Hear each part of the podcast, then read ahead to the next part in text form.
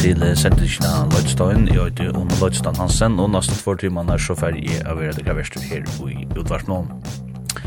Jeg får spille Nekvan uh, Nudjan, og ja, ikke tekna sida spika hamrande for den tøvnøyk for det kom. Jeg er ferdig at spille Nudjan tøvnøyk vi uh, Ray Lamontagne, Chris Stapleton, Joe Batiste, Troy Esivan, Britty, Arlo Parks, Idols, Slow Dive, Alison Russell og The Libertines, The Vaccines og Black Pumas og Nekvnørum. Det er verið en øyla øyla sterk sending við nekkur nýggju tónleiki sum er vant til ikke at um, nekkur tekna nær til hava hårst fyrir. Og til er øysnin lukka som det som er sindri enda mål mál sendingin tøy annars ikke hava gestur. Og i læt så spiller jeg nýggjan uh, tónleik som um, annars ja, ikke kemur til uh, så rakt her i utvarsmån. Jeg får begynne med tre med sangen her. Jeg får spela andre sang tja en av døylig balt som heter Cage the Elephant. Cage the Elephant. Sangen gattas for Neon Pill. Jeg får spela andre sang tja MGMT, en døylig amerikansk pop-balkeren. Nothing to Declare kallar sangen. Men det fyrsta det verur ein ordelig Leidestein Darlings tog at uh, Future Islands um, balkeren som um, jeg har spalt jant og samt, så gjerne jeg fikk seg sendisjen her. Han er uh, klar at vi er nødgjent tilfære, og det er vi noe løtta sin søgnas alltid. Treit så, jeg alltid ikke så nekst som jeg bitt meg inn, men uh, jeg synes det er det, og tar for å komme vi gjennom Richard Plato, uh, og Ja, det er så å si at platan er kommet ut til Eron. Um, Hon oitur uh, People Who Aren't There Anymore, nu tja platan tja um, Future Islands. Hon kom ut 26. januar, så hon er just kommet ut. Og til av henne er fra spela en her sangen her som uh, kallas for The Tower. Og ja, som til høyra så er den her uh, platan tja Future Islands. Hon er uh, spillet nok for mer. Jeg var smart av meg, det var ikke med, og Jeg gleder meg for at jeg tjekker den ut til at jeg har ikke noen sannsyn i av dem, men jeg får spille der sånn det er bare det. Og en døylig, døylig um, uh, balkor som uh, kommer ur... Uh, uh, han kommer ur uh, Greenville i North Carolina i United States, det vil si i USA. Um, men han er høymehøyrande i Baltimore og i Maryland i USA. Tar kom og brekande inn av alt kjøttanlagkapatlen vi... Uh, og noen sanje som kallas for uh, Seasons Waiting on You. Og um, Det var å finne en plass med singles som kom til 2014 og ja, det var liksom Jøgne Brotja som her bøtjen som som eh, hever fram uh, Anatoi og Arnt her uh, og anker skal det bare en sanger til så, så er balken her balken er spalt uh, 2006 så han var uh, vel og vilja byggvind til å få jøgnumbrott ta. Og gjerne her uh, Seasons Waiting on You sangren uh, kom ut og denne her platen som er singles. Men nu er det så at vi uh, ser her nutje platen her som um, øyder um, People Who Aren't There Anymore. Og uh, jeg får spille den her, sannsynlig, Vønda Daman som øyder The Tower. Musik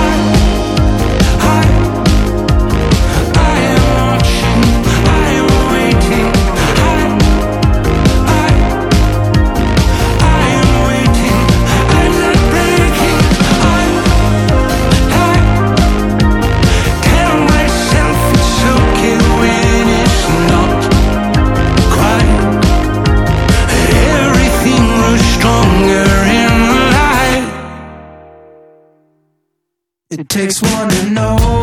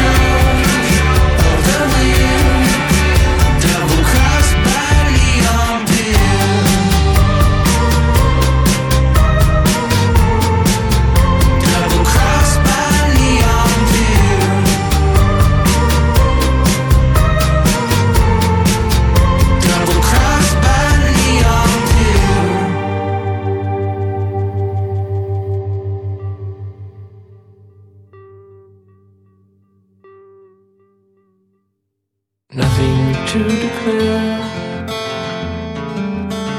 Not in the bags under my eyes. I can see you standing there. But still there's nothing to reply. The world's my Fendiclair My Spanish castle in the sky. I can see it floating now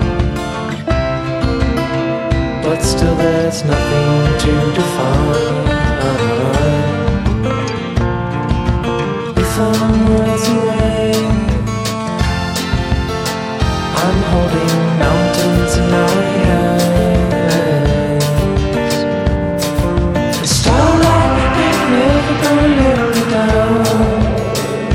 until I stumble like a drunkard back to town. Then I end up where you are. Keeping the sanctuary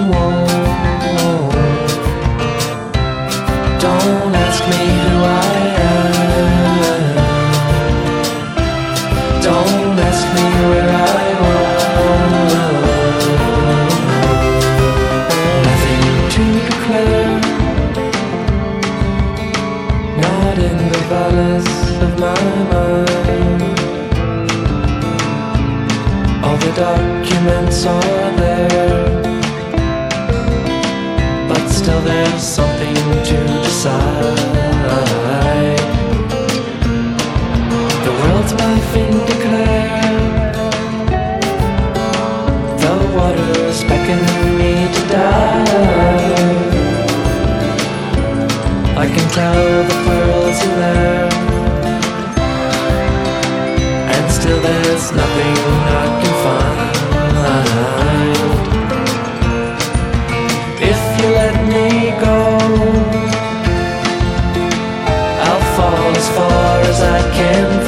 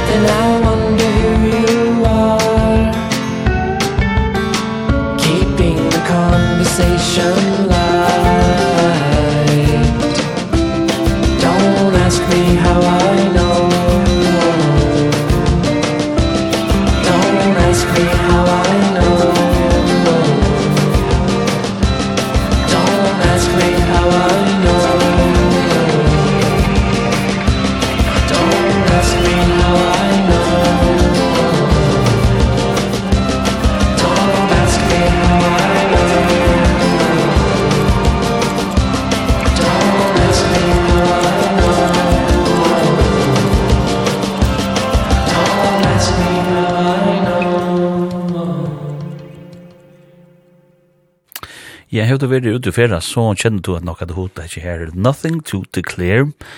Her var det så brukt ui en sanje amerikanska bachelor MGMT og um, sni angre vil jeg finna av nødgjere plate tja MGMT som uh, fyrir ut Loss of Life og skal komme ut 23. februar.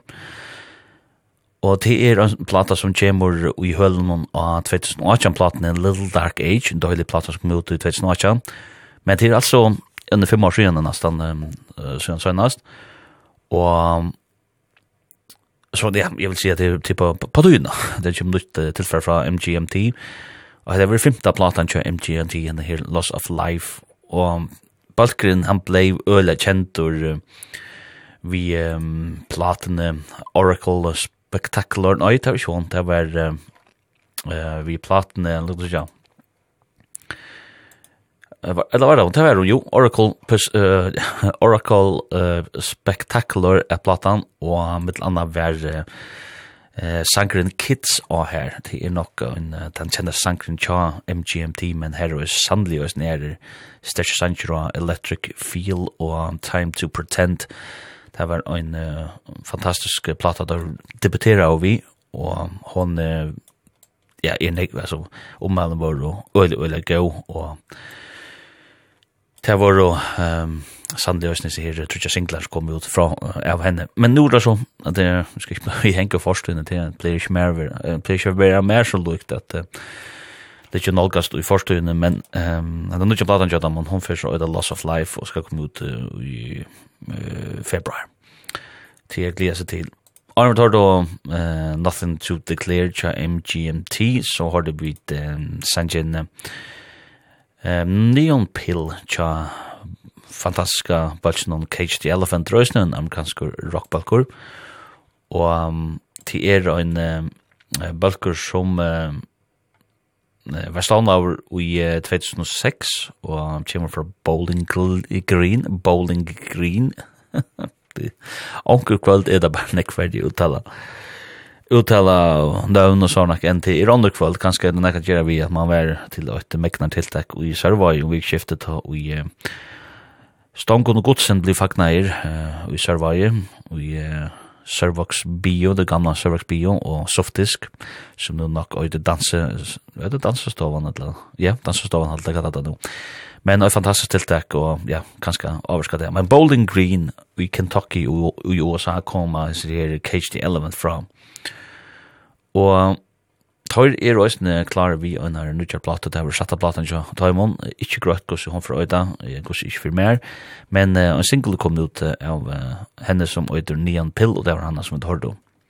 Og det første sangren vi hørte, og vi sendte ikke det, det var sangren The Tower, tja, munnen høgt, høgt, høgt, høgt, høgt elska Future Islands, og det er um, en sanger som er finna on which platene til Future Islands som er The People Who Aren't There Anymore.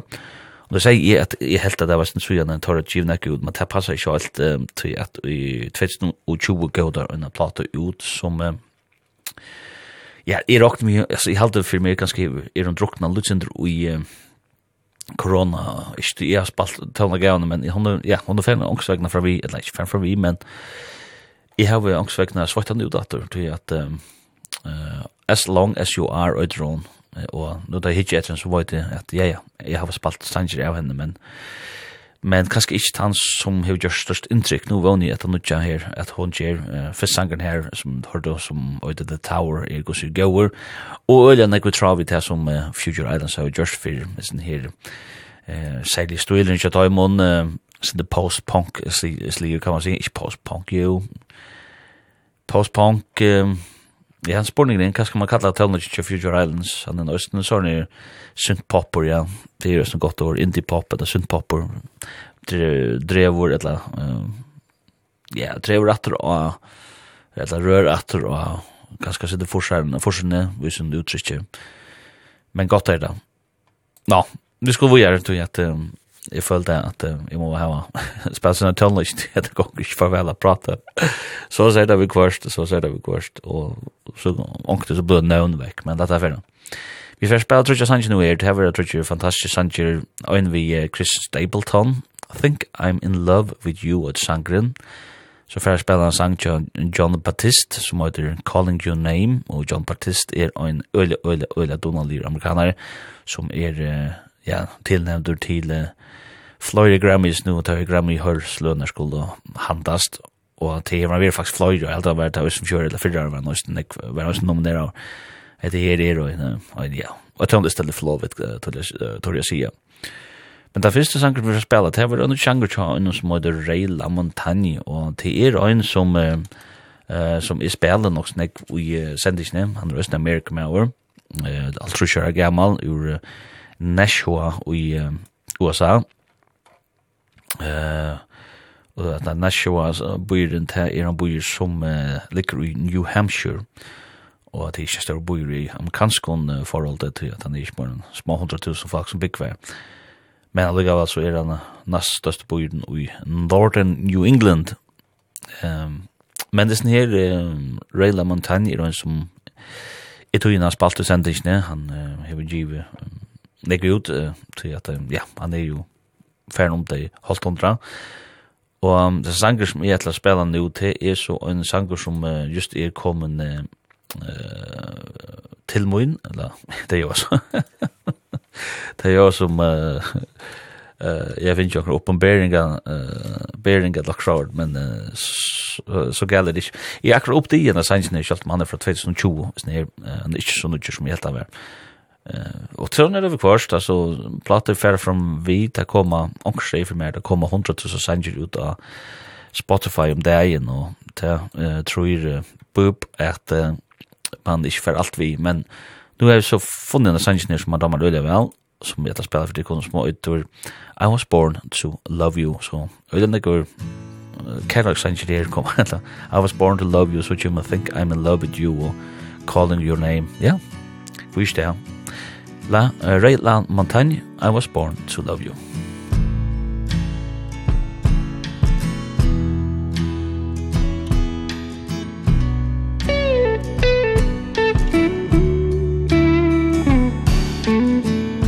You give me a sign.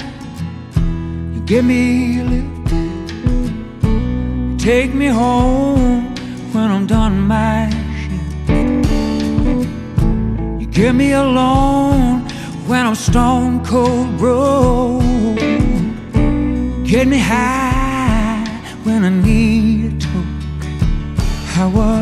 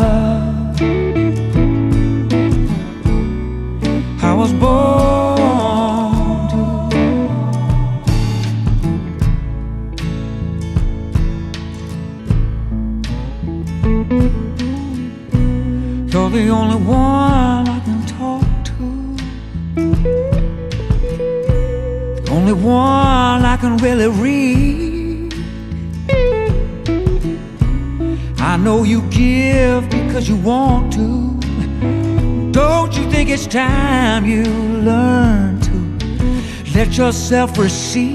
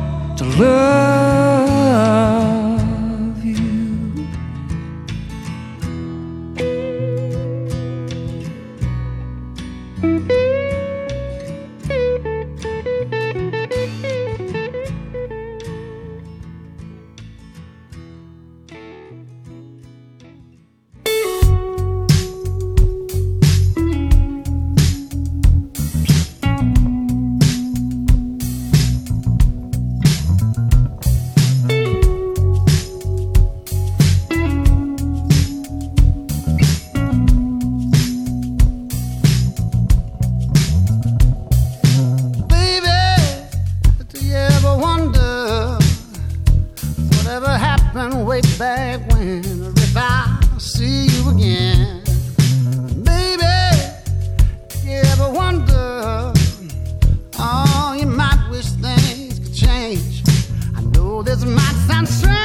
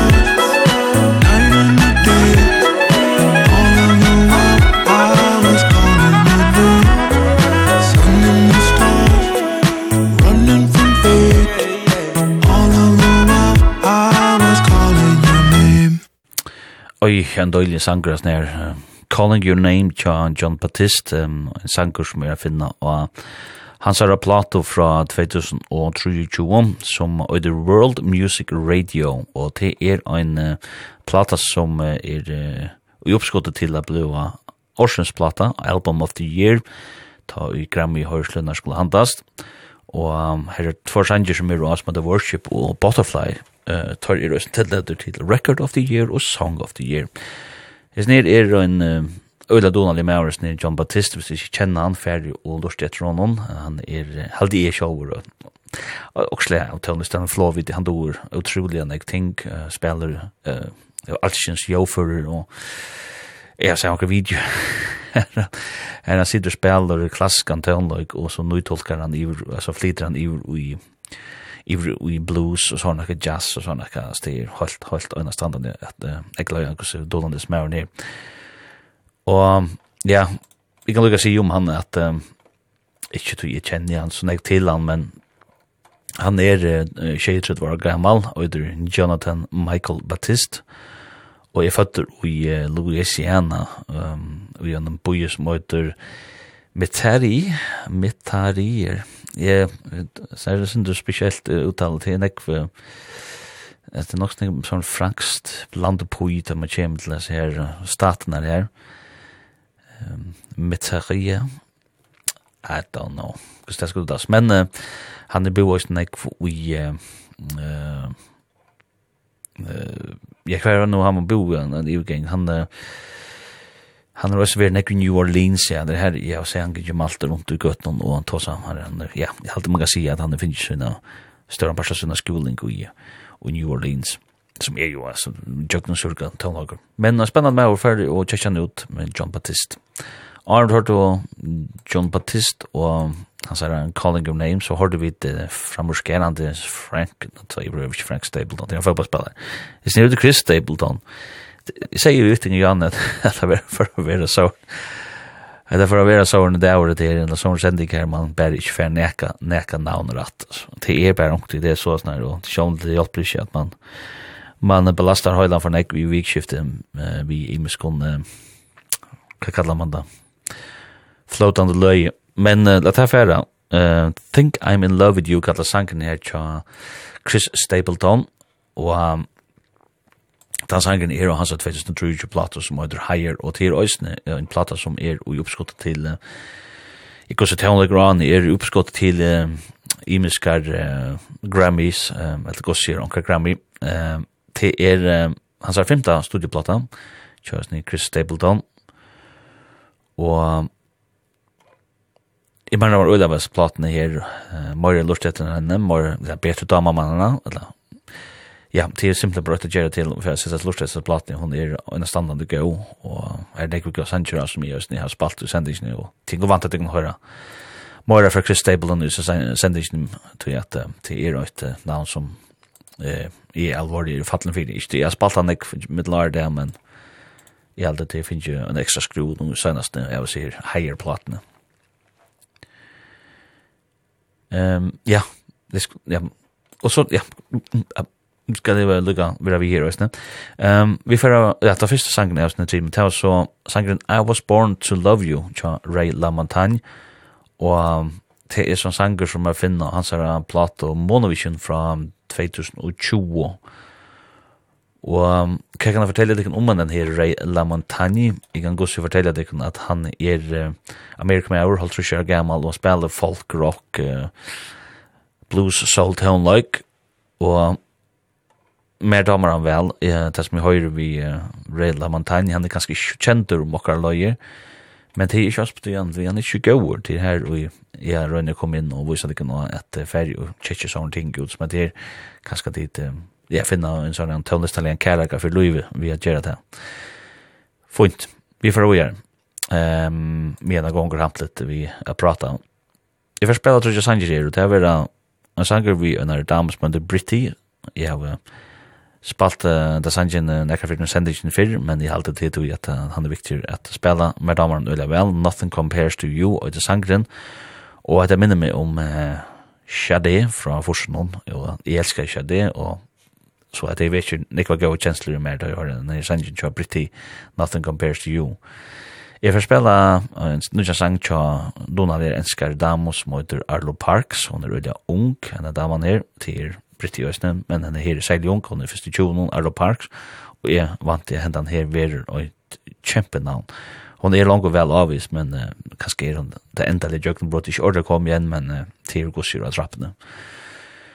Jasmine kallar sanger som uh, Arlo Parks fyrir at framføre. Da første vi er tog en sanger vi gjør noen ødenekker røst om mannen fra 2023, Troy Sivan Katasan, og One of Your Girls, og etter snill sangeren. Everybody loves you, baby. You should trademark your face. Running on the block to be around you. But baby, I'm first in place.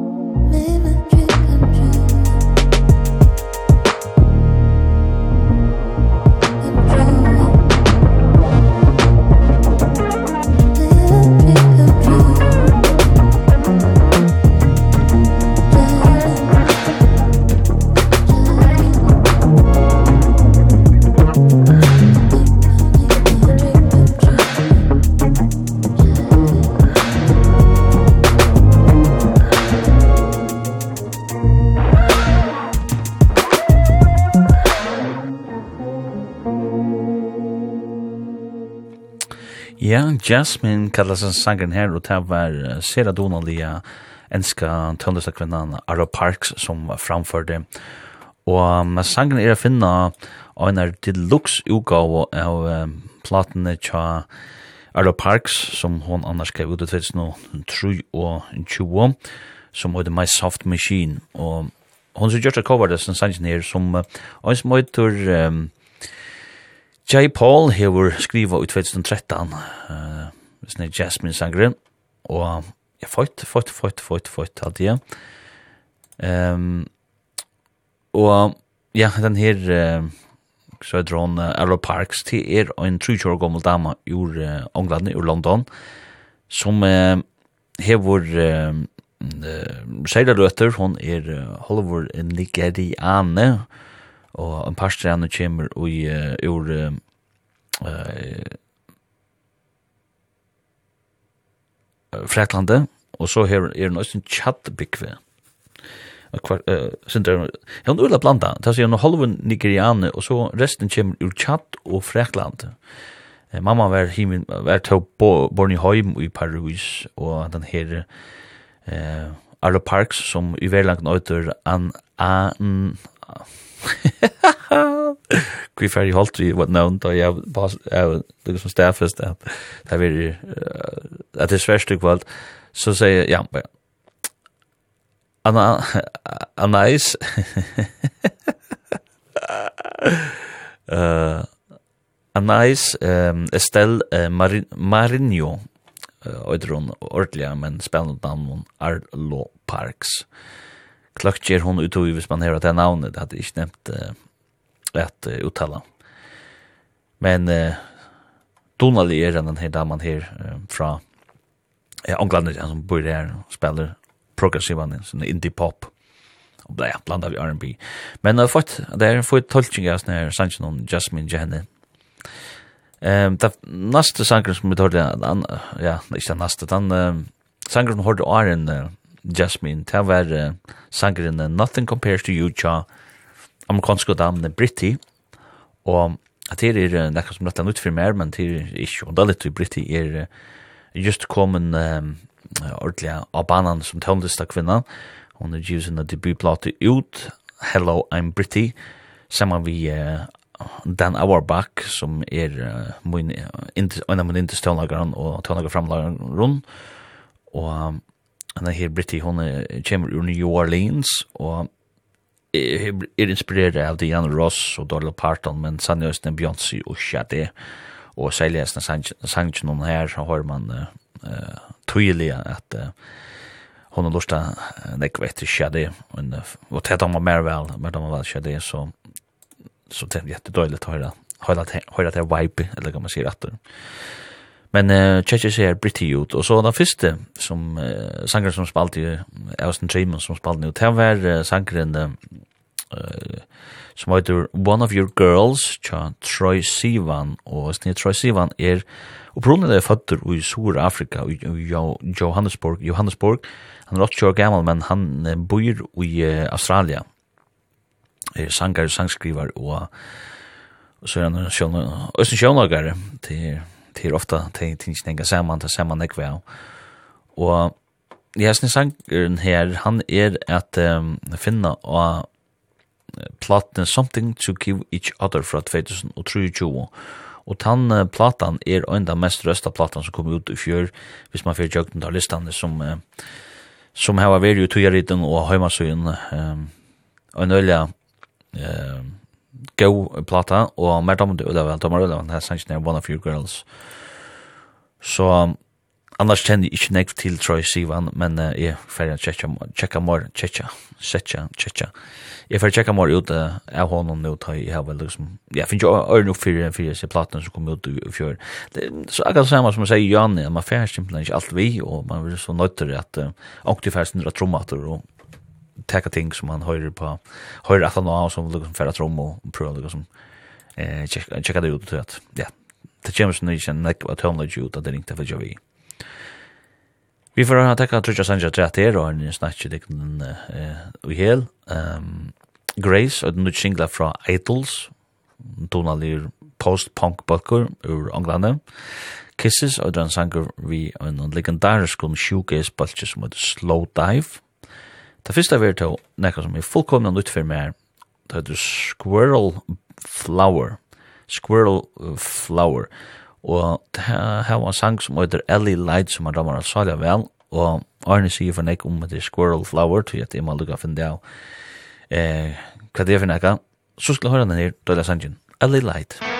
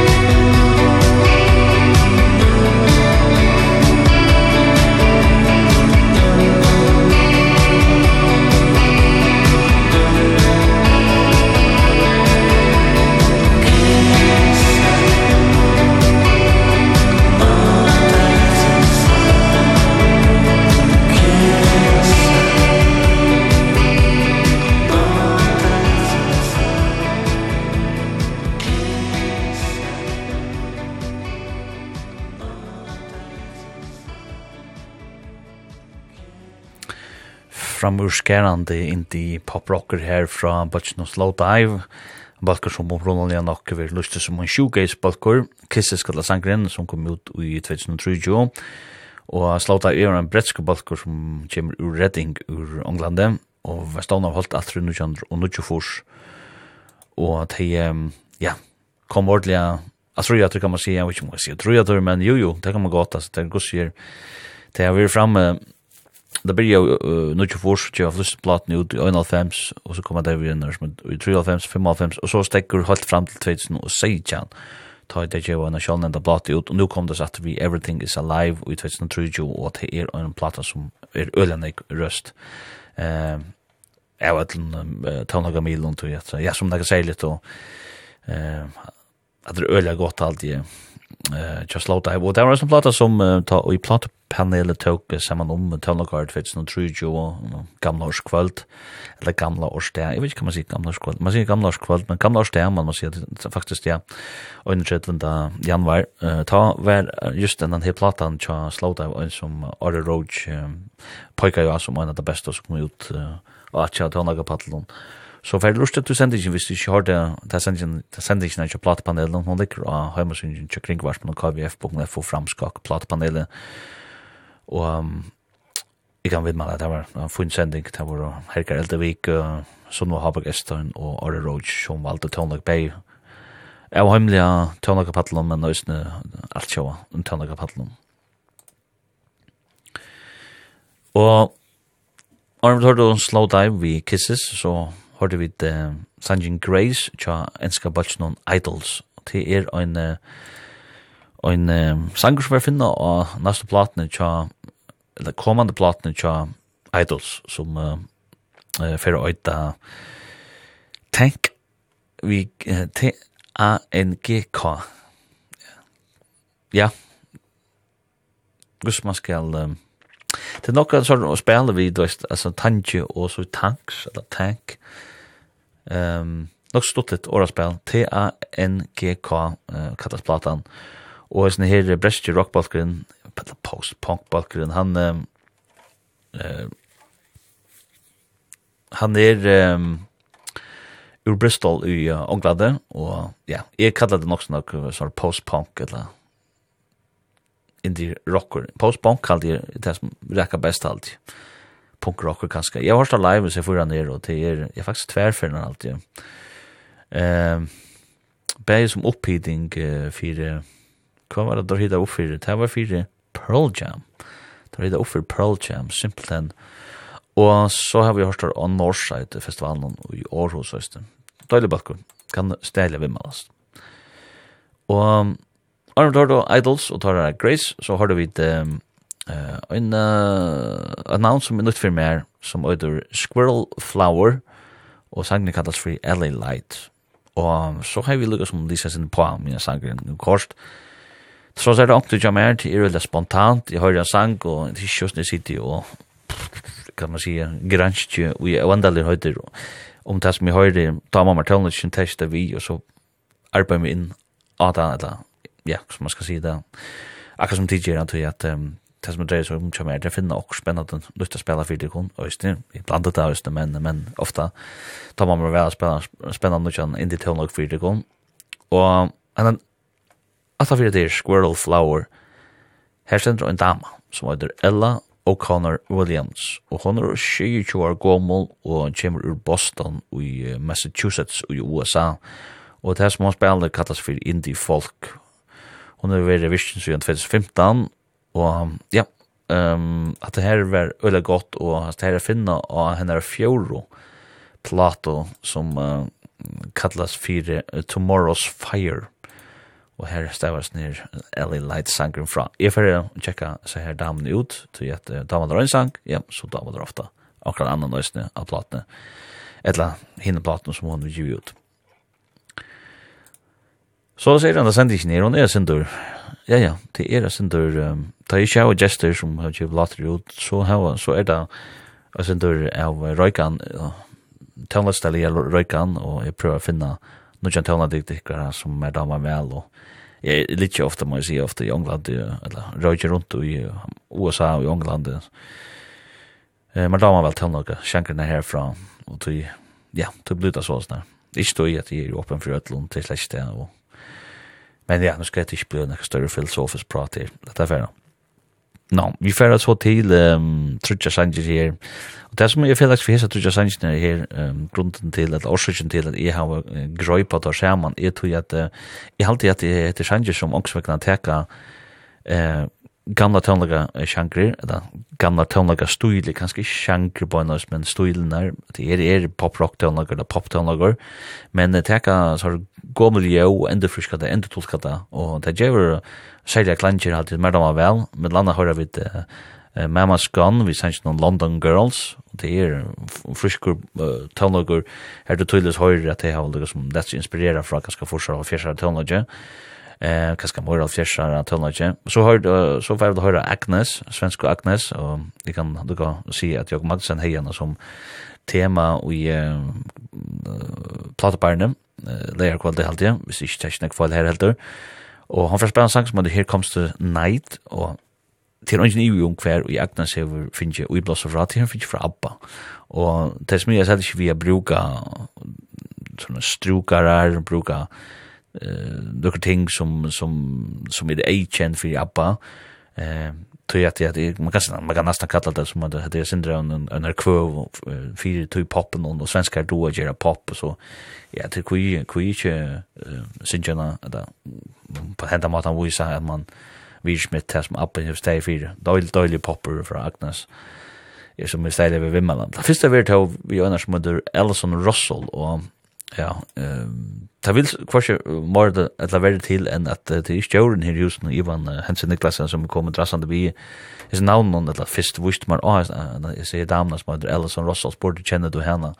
Og det må sia sia nøy til og så han då har vi lust etter Ellison Russell og jeg må si at det, at det er øyelig godt til som uh, det her damen kom vi. Hon er Grammy, halte hun vunnet uh, Grammy, Grammy vinnande faktisk alltid. Ja.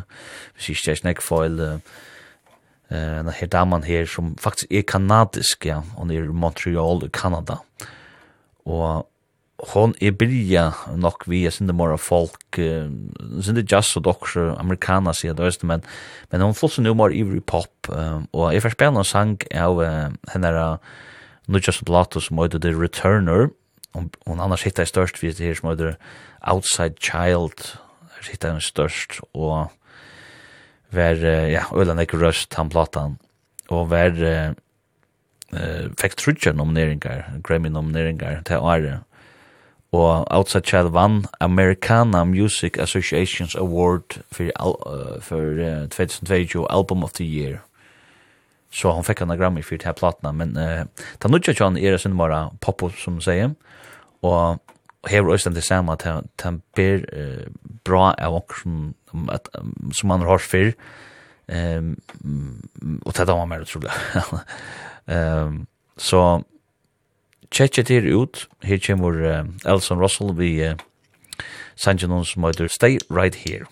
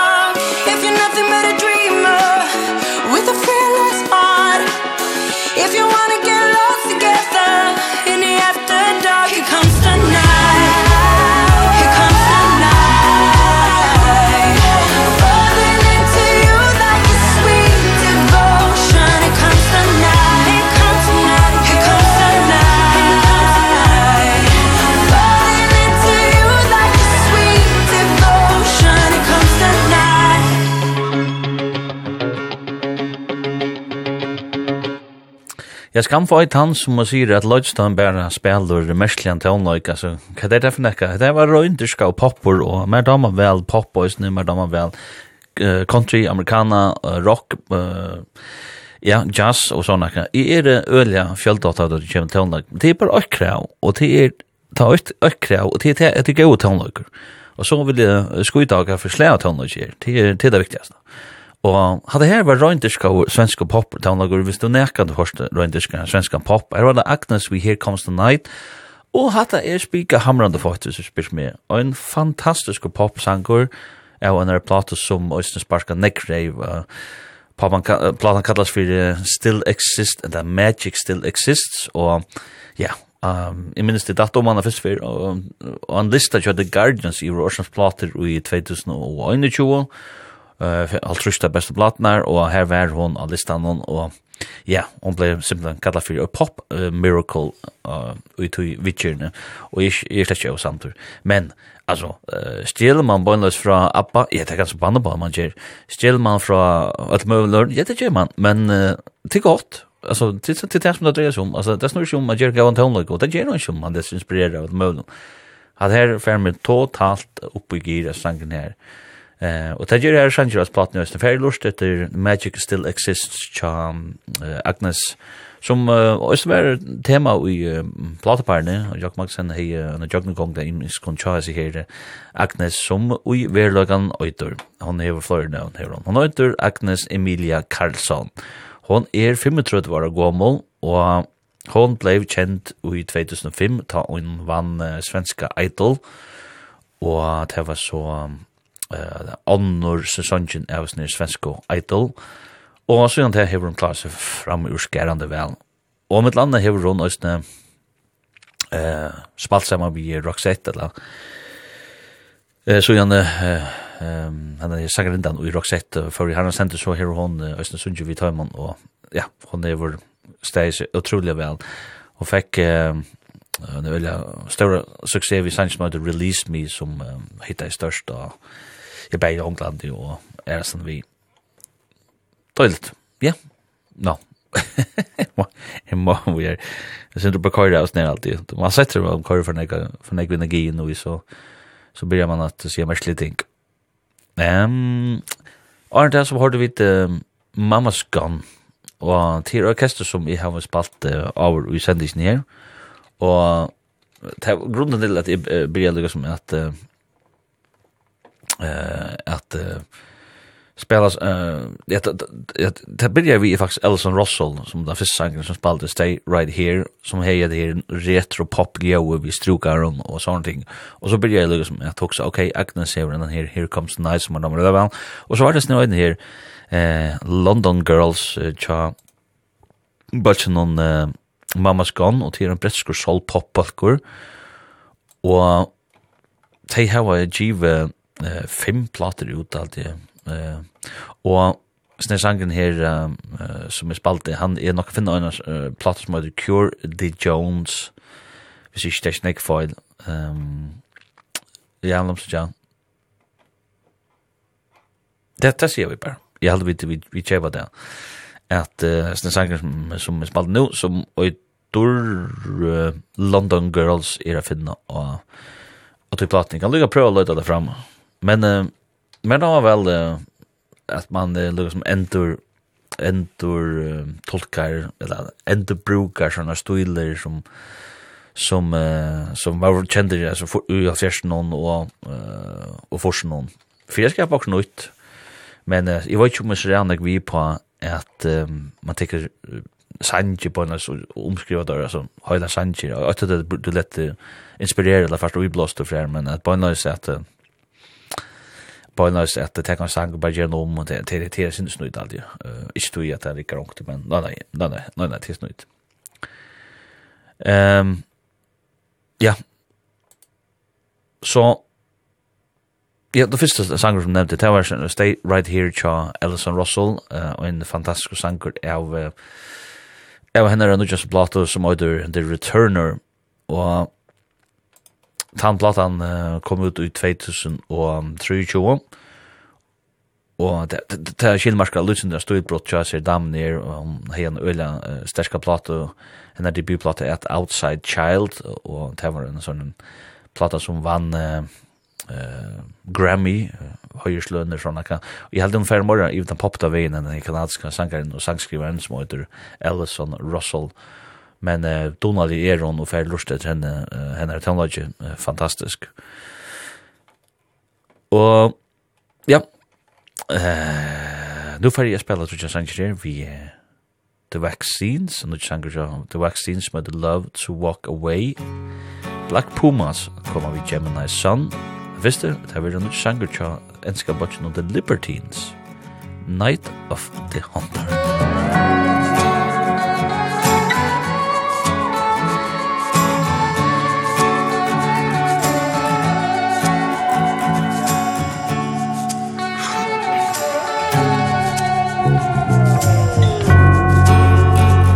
love and hate. Tattooed on the knuckles Round the handles of a blade. On the knuckles Round the handles of a blade A bloody blade.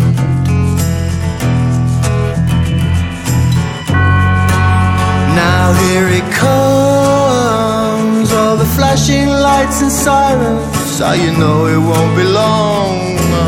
time for the radio to play your last song your last song. I'm just calling to tell you baby that they're taking me away for a while. Well don't blame me it's the world that made me. And they're taking me away for a taking me away for a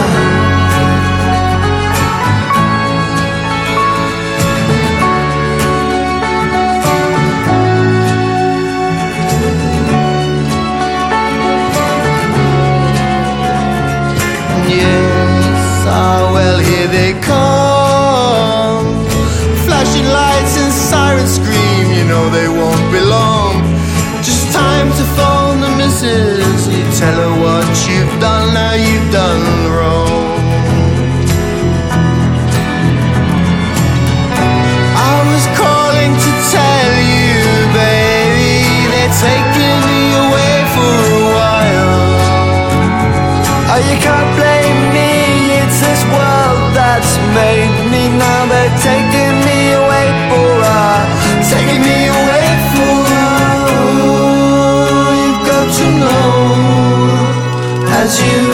Wash the blood from your clothes. You can't clean out your clothes. You'll never clean your soul. No, no. S-E-A-B Tattooed on your knuckles Does the world know what it means? Oh, now they're slipping on the bracelets. Are you so young and hard and mean? So cold and mean.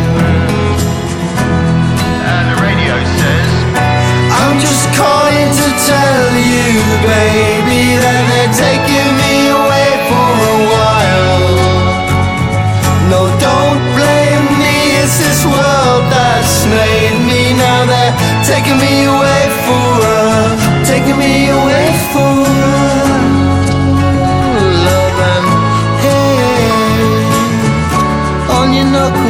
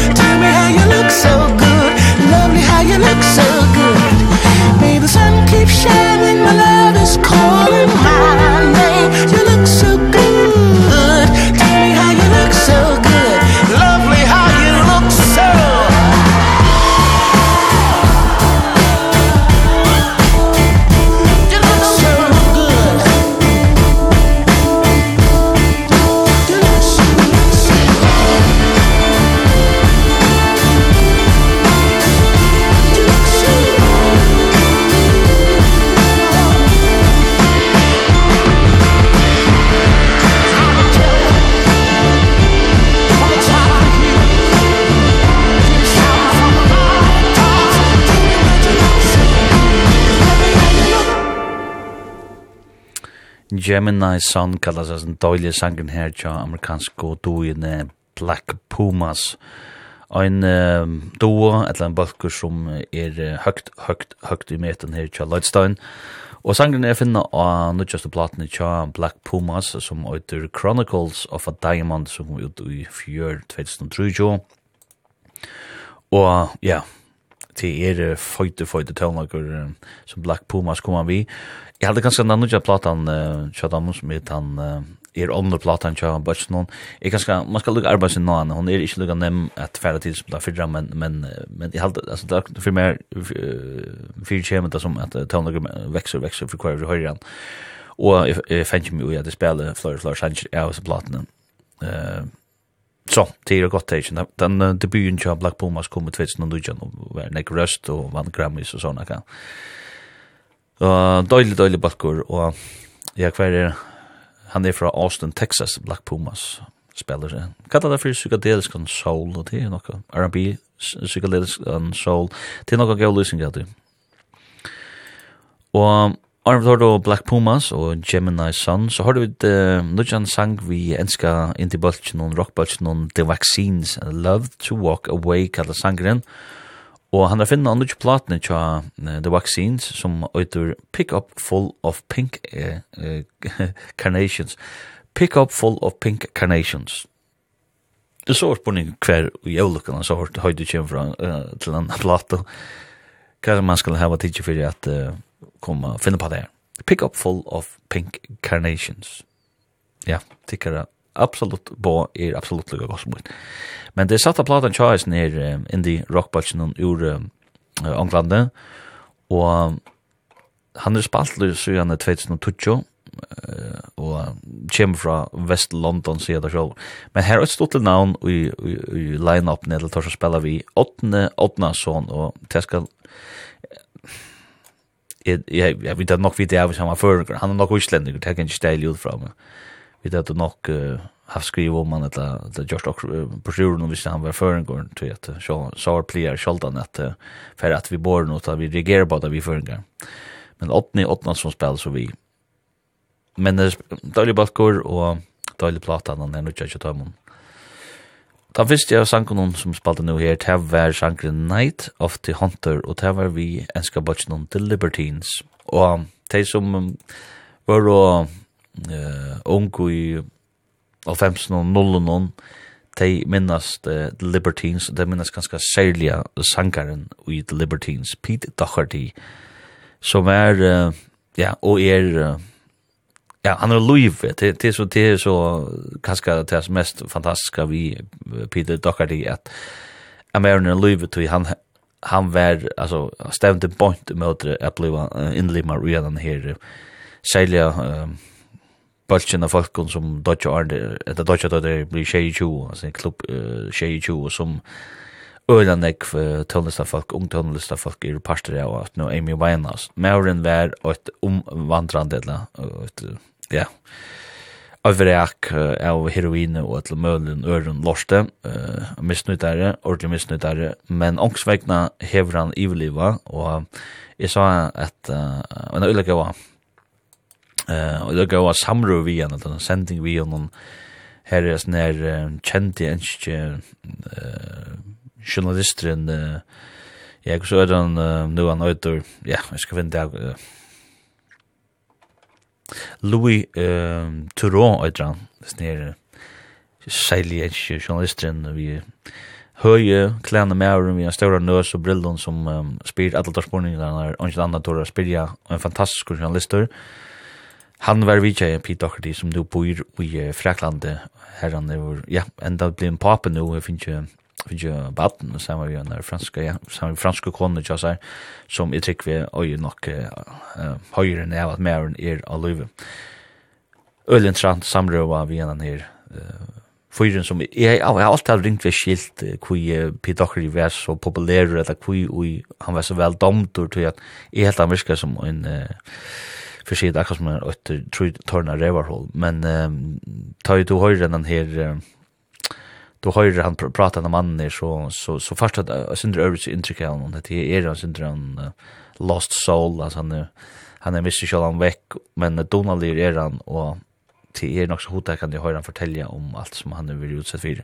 Han var i Östen Jack Samma vi ser Kate Moss, supermodellen ta och i Nollon och ja, Men uh, men för vi til finna finna ta samruna som Louis Turo ju vi vi Peter Doherty hon är absolut värd att då etter eller fer hitjetter.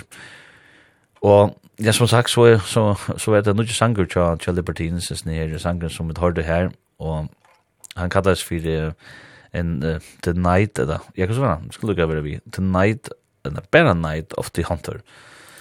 Och tar koma vi under plato, så det er Libertines, All Quiet on the Eastern Esplanade, Esplanade. Og det er gledet at tar gjerra det. Og her visen her sangren er finna av The Night of the Hunter.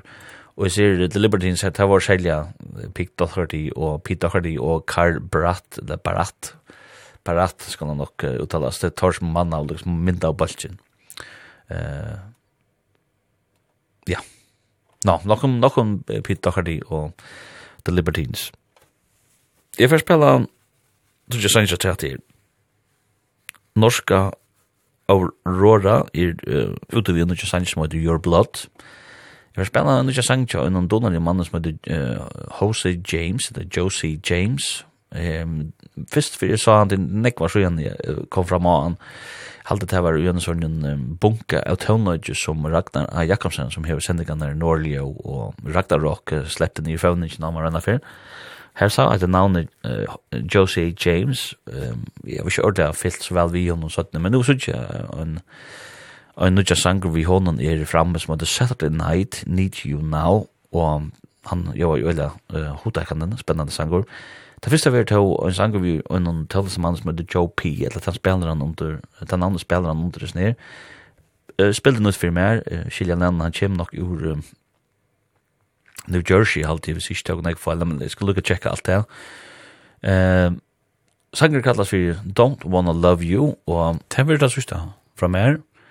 Takk for at du lurte av, og jeg føler ikke jeg sendingen ut av heimasynet tja Lloydstein, som er kvf.f og framskak Lloydstein. Lloydstein sendingen i Røsten Tøk og Spotify, finner jeg her.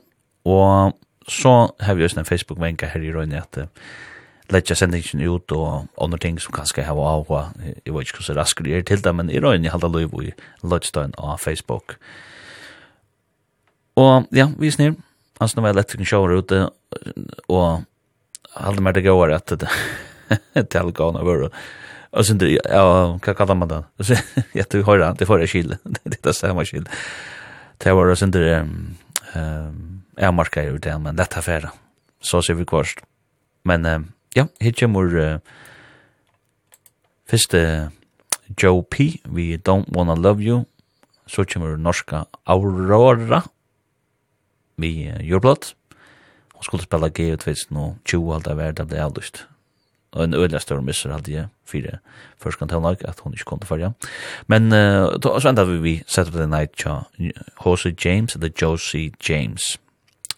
Alt det beste ditt nu ferdig er at alle gokk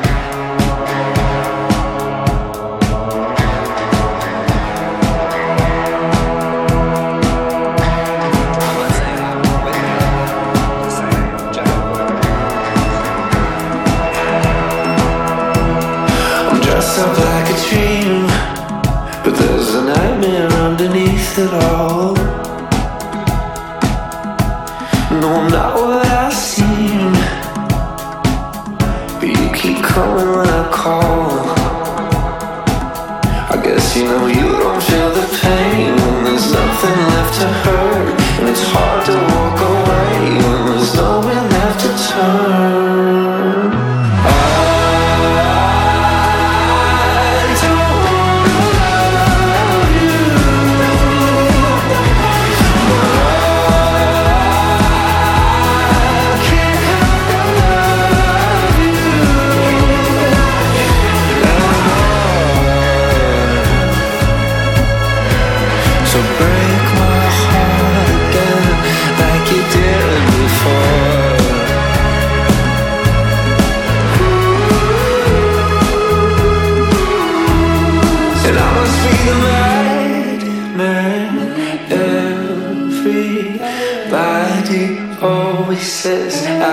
Cause I talk to a sad man No one else can see. And he says, you know, you won't feel the pain. There's nothing left to hurt. And it's hard to drive away